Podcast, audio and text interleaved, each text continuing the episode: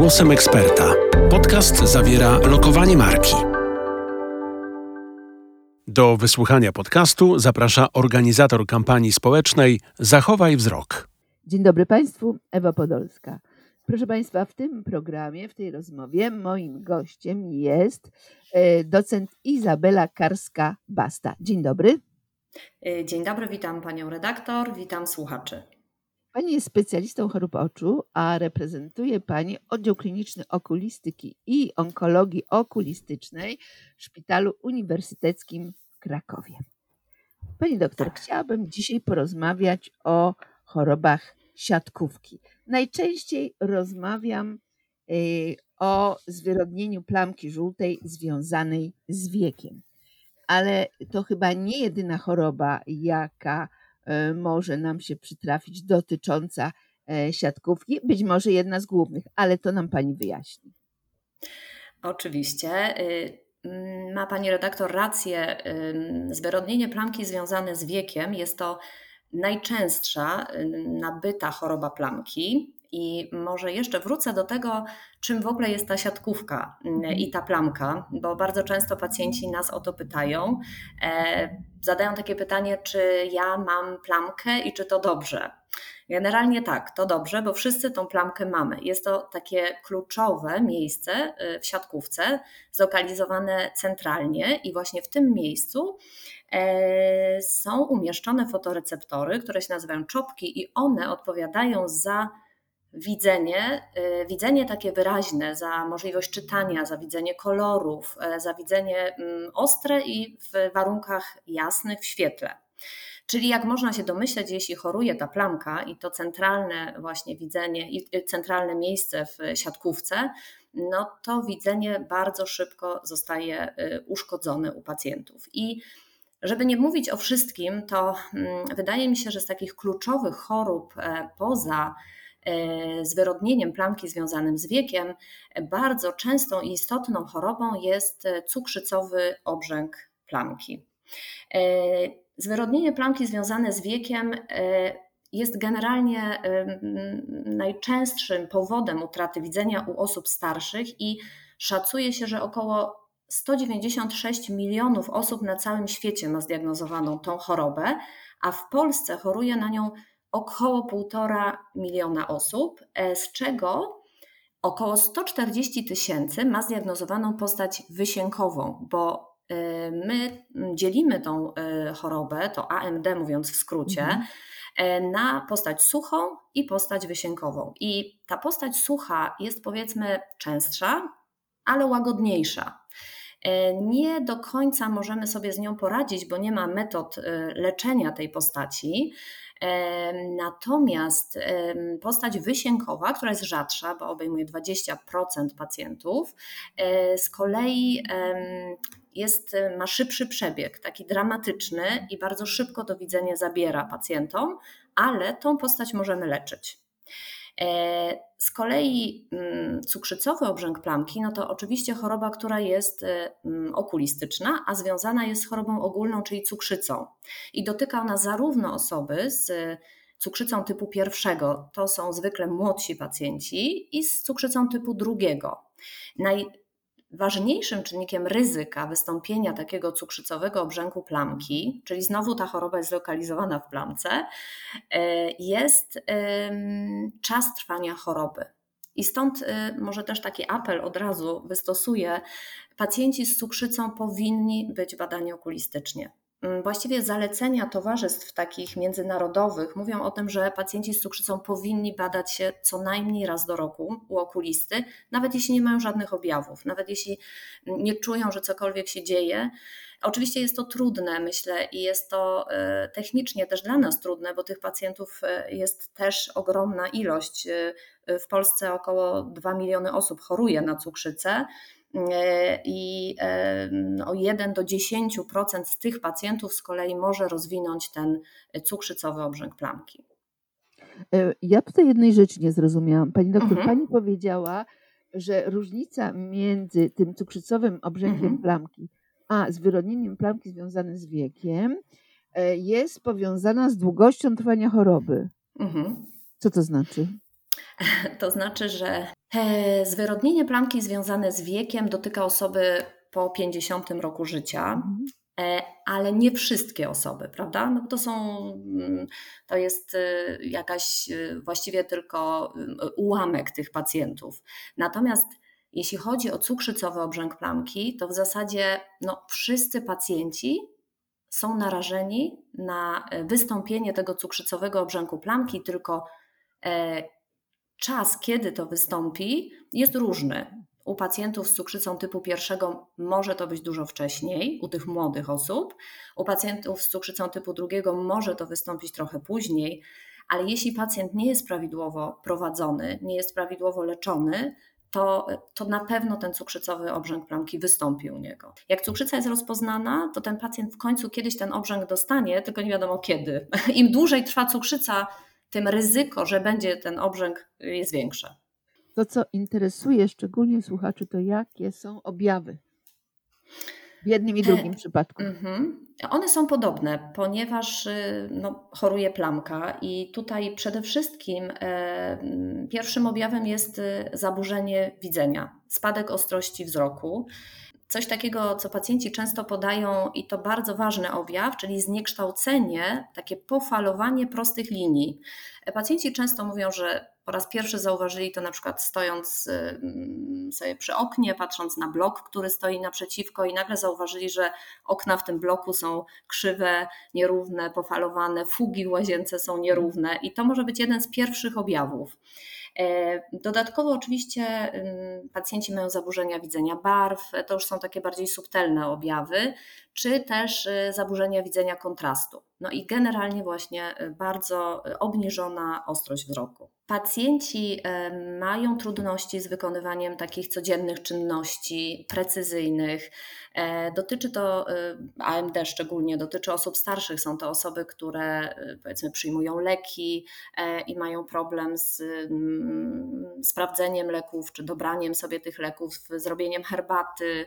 E, I to są takie bardzo proste, podstawowe czynności, gdzie pacjent ma zaburzone widzenie centralne, czyli gdziekolwiek nie spojrzy, to w zasadzie nie widzi e, centrum. No i to e, niestety nie pozwala im prawidłowo funkcjonować. Natomiast jeśli chodzi o osoby z cukrzycą, to są często osoby młodsze niż pacjenci z AMD i z kolei tym pacjentom nie pozwala to funkcjonować normalnie, nie pozwala im to pracować, nie pozwala im e, prowadzić samochodu.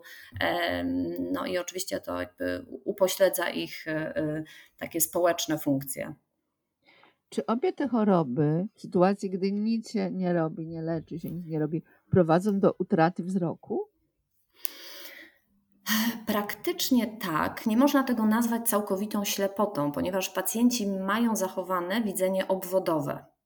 Czyli ci pacjenci często widzą trochę tak, jakbyśmy sobie mogli to wyobrazić, że wchodzimy do takiego ciemnego pokoju, gdzie panuje półmrok i jesteśmy w stanie zauważyć osobę, która powiedzmy siedzi przy biurku. Widzimy zarysy tej postaci, wszystko jest szaro-białe, takie ciemne, natomiast nie jesteśmy w stanie podać szczegółów. Nie wiemy, czy przy biurku siedzi mężczyzna, kobieta, blondynka, brunetka.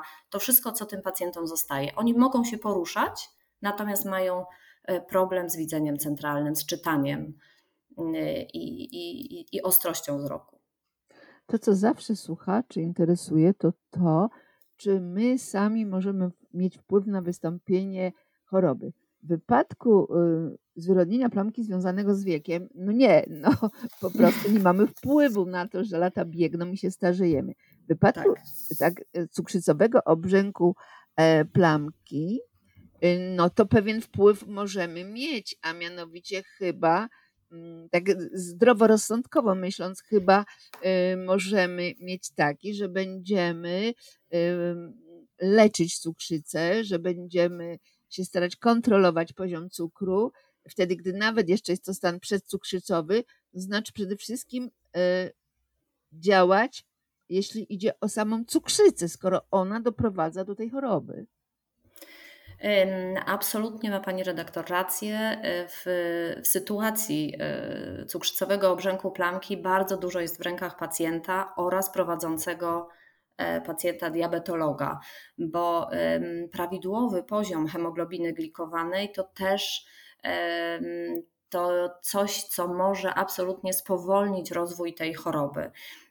I, i tutaj no, my też staramy się pacjentów edukować.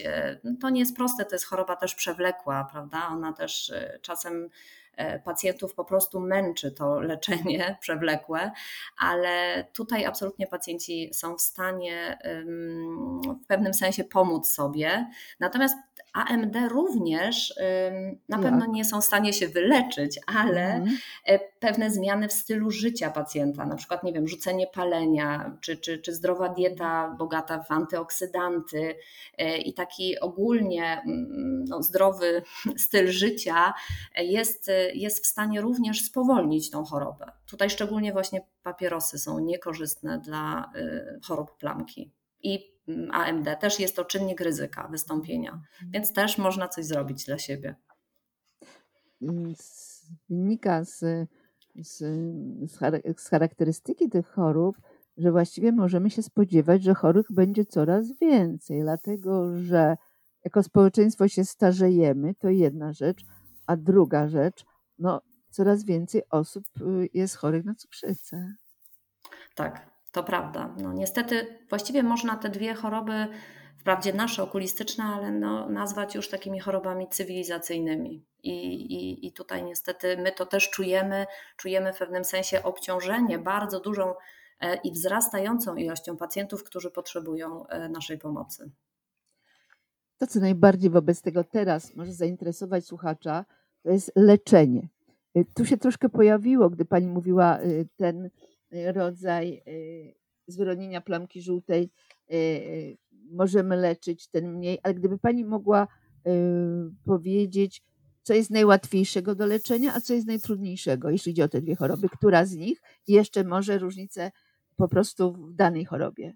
Tutaj na szczęście od pewnego czasu mamy narzędzia do walki e, z oboma tymi chorobami, czyli i z cukrzycowym obrzękiem mhm. plamki, i z wysiękową postacią AMD. E, I tym narzędziem są iniekcje. Są e, zastrzyki do, podawane do ciała szklistego, które oczywiście na początku, jak rozmawiamy z pacjentem, no, budzą dość duże E, obawy pacjenta.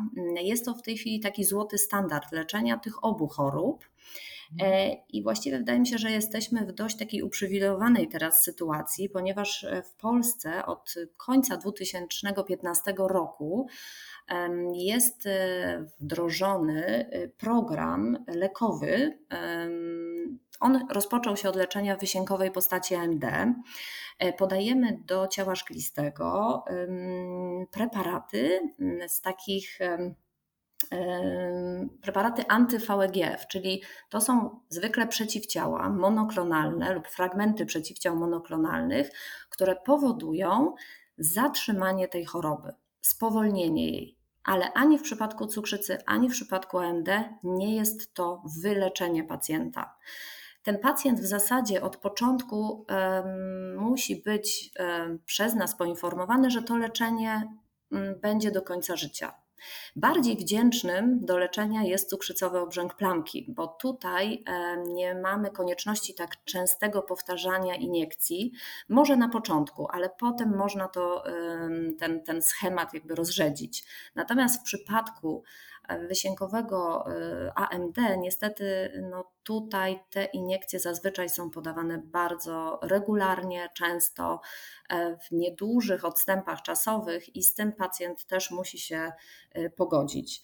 E, ten program lekowy y, w Polsce właściwie obejmuje teraz ponad 37 tysięcy pacjentów, jeśli chodzi o AMD i chyba około 8 tysięcy osób z cukrzycowym obrzękiem plamki, bo ta choroba weszła druga do tego programu. E, pacjenci są leczeni w ramach NFZ-u.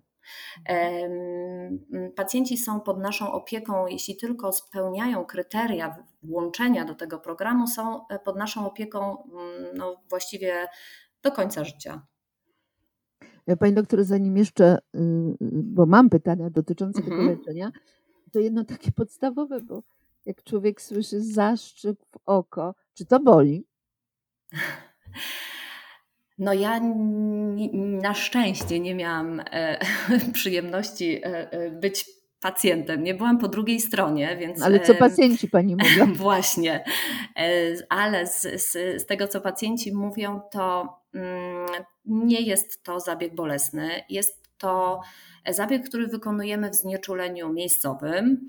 E, przygotowujemy takiego pacjenta odpowiednio. To trwa chwilę, podajemy mu różnego rodzaju krople. Iniekcje podaje się zawsze w warunkach pełnej aseptyki, e, albo na sali zabiegowej, albo na sali operacyjnej.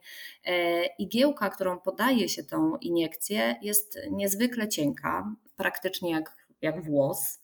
I oczywiście, jak, jak wiadomo, pacjenci są różni, e, każdy ma różną wrażliwość, ale generalnie nie wiąże się to z bólem. Pacjenci czasem mówią, że czują jakiś ucisk, e, no, że jest nieprzyjemne to jakby wszystko, co tam wykonujemy wokół tego oka, bo trzeba go umyć, trzeba założyć rozwórkę do oka, trzeba pacjenta przykryć. No, na pewno jest to związane z pewnym stresem, ale Zwykle pacjenci e, najbardziej stresują się przy tych pierwszych iniekcjach, a potem e, znoszą je coraz lepiej.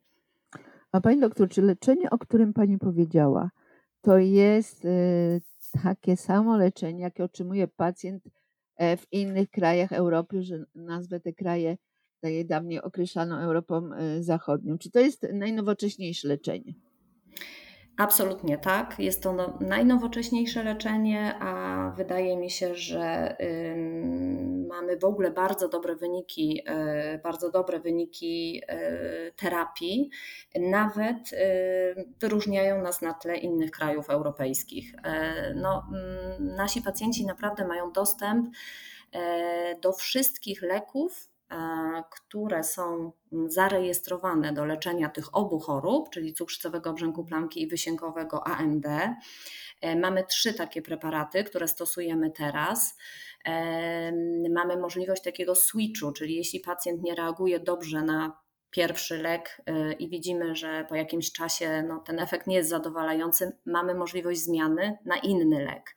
Może to, co jest najbardziej obciążające, to wydaje mi się, że mm, no przede wszystkim ta powtarzalność tych iniekcji i to, że mhm. pacjenci są z nami co miesiąc, czasem nawet y, co dwa miesiące, ale bardzo mamy ograniczoną możliwość wydłużenia tych y, przerw między iniekcjami. No a jak wiadomo, mówimy o osobach starszych. To wiąże się też z przyjazdem do szpitala, z bardzo regularnymi wizytami i właściwie całe życie oni muszą mieć ustawione pod te wizyty.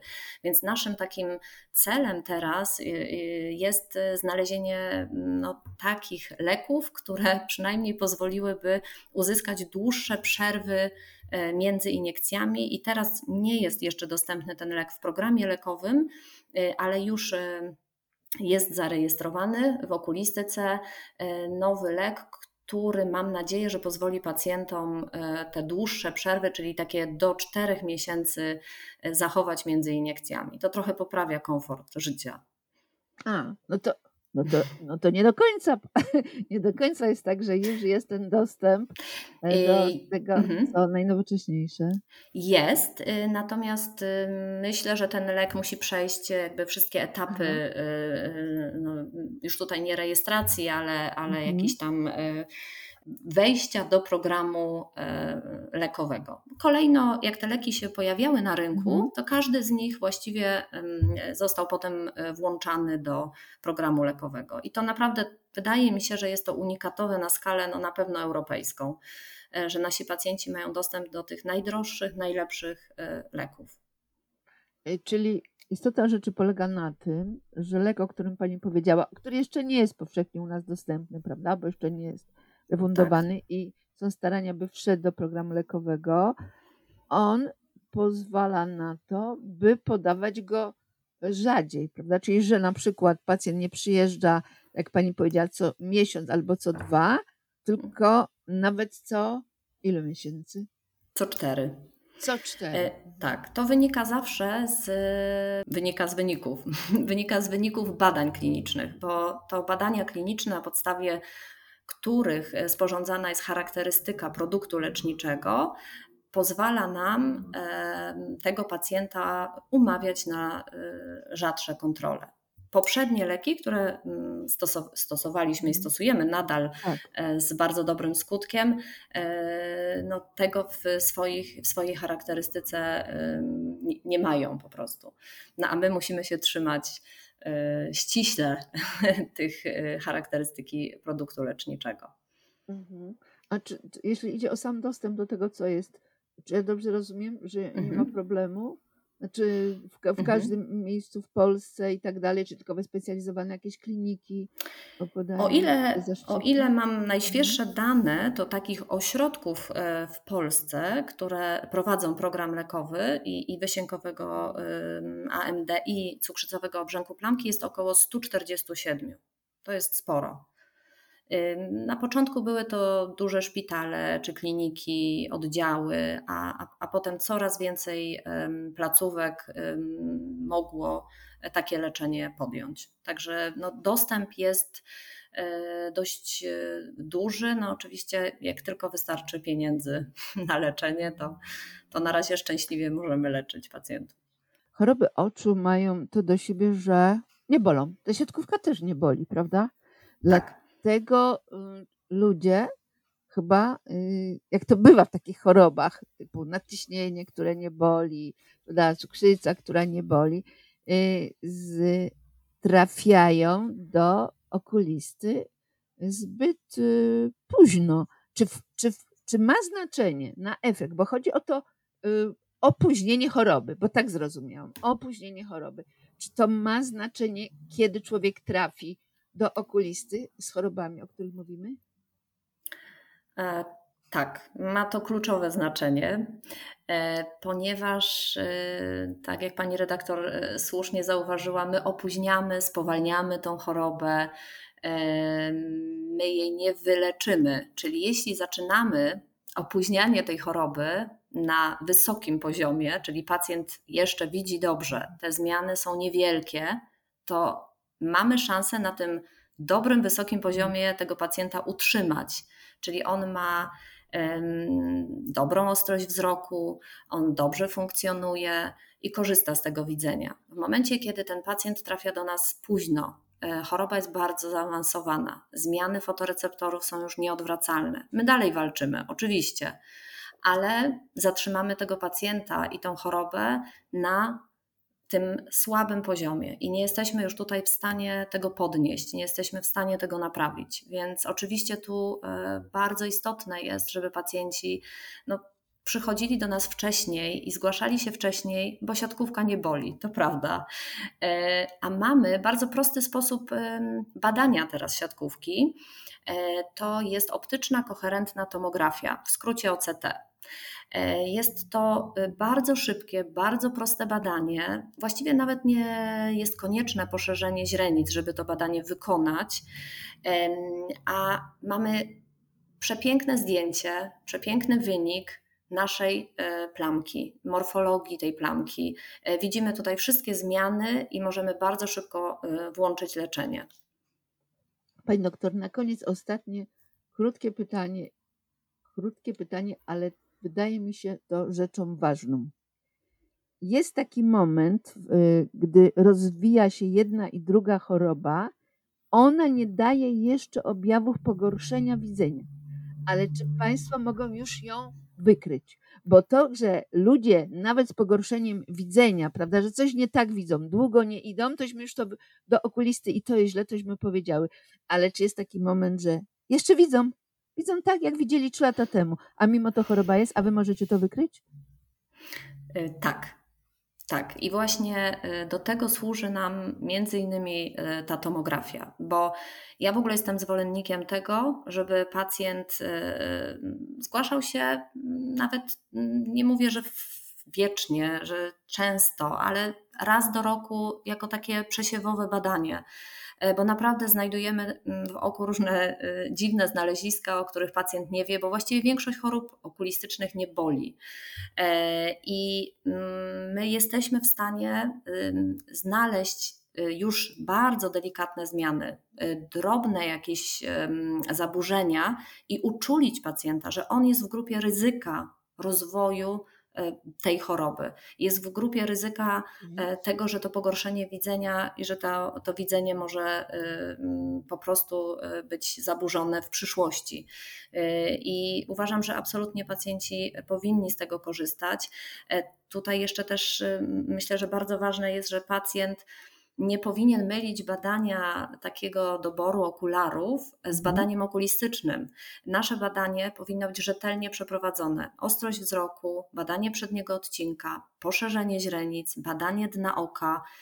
To OCT, które jest szybkie, proste i daje nam bardzo dużo informacji o stanie oka, to taki już e, standard. E, Oczywiście mamy jeszcze dużo innych możliwości, dużo innych e, mm, e, diagnostycznych metod, żeby jeszcze tego pacjenta e, dogłębniej zbadać, ale e, jesteśmy w stanie dużo wcześniej tego pacjenta przynajmniej uczulić na to, że on jest w grupie ryzyka rozwoju tych obu chorób.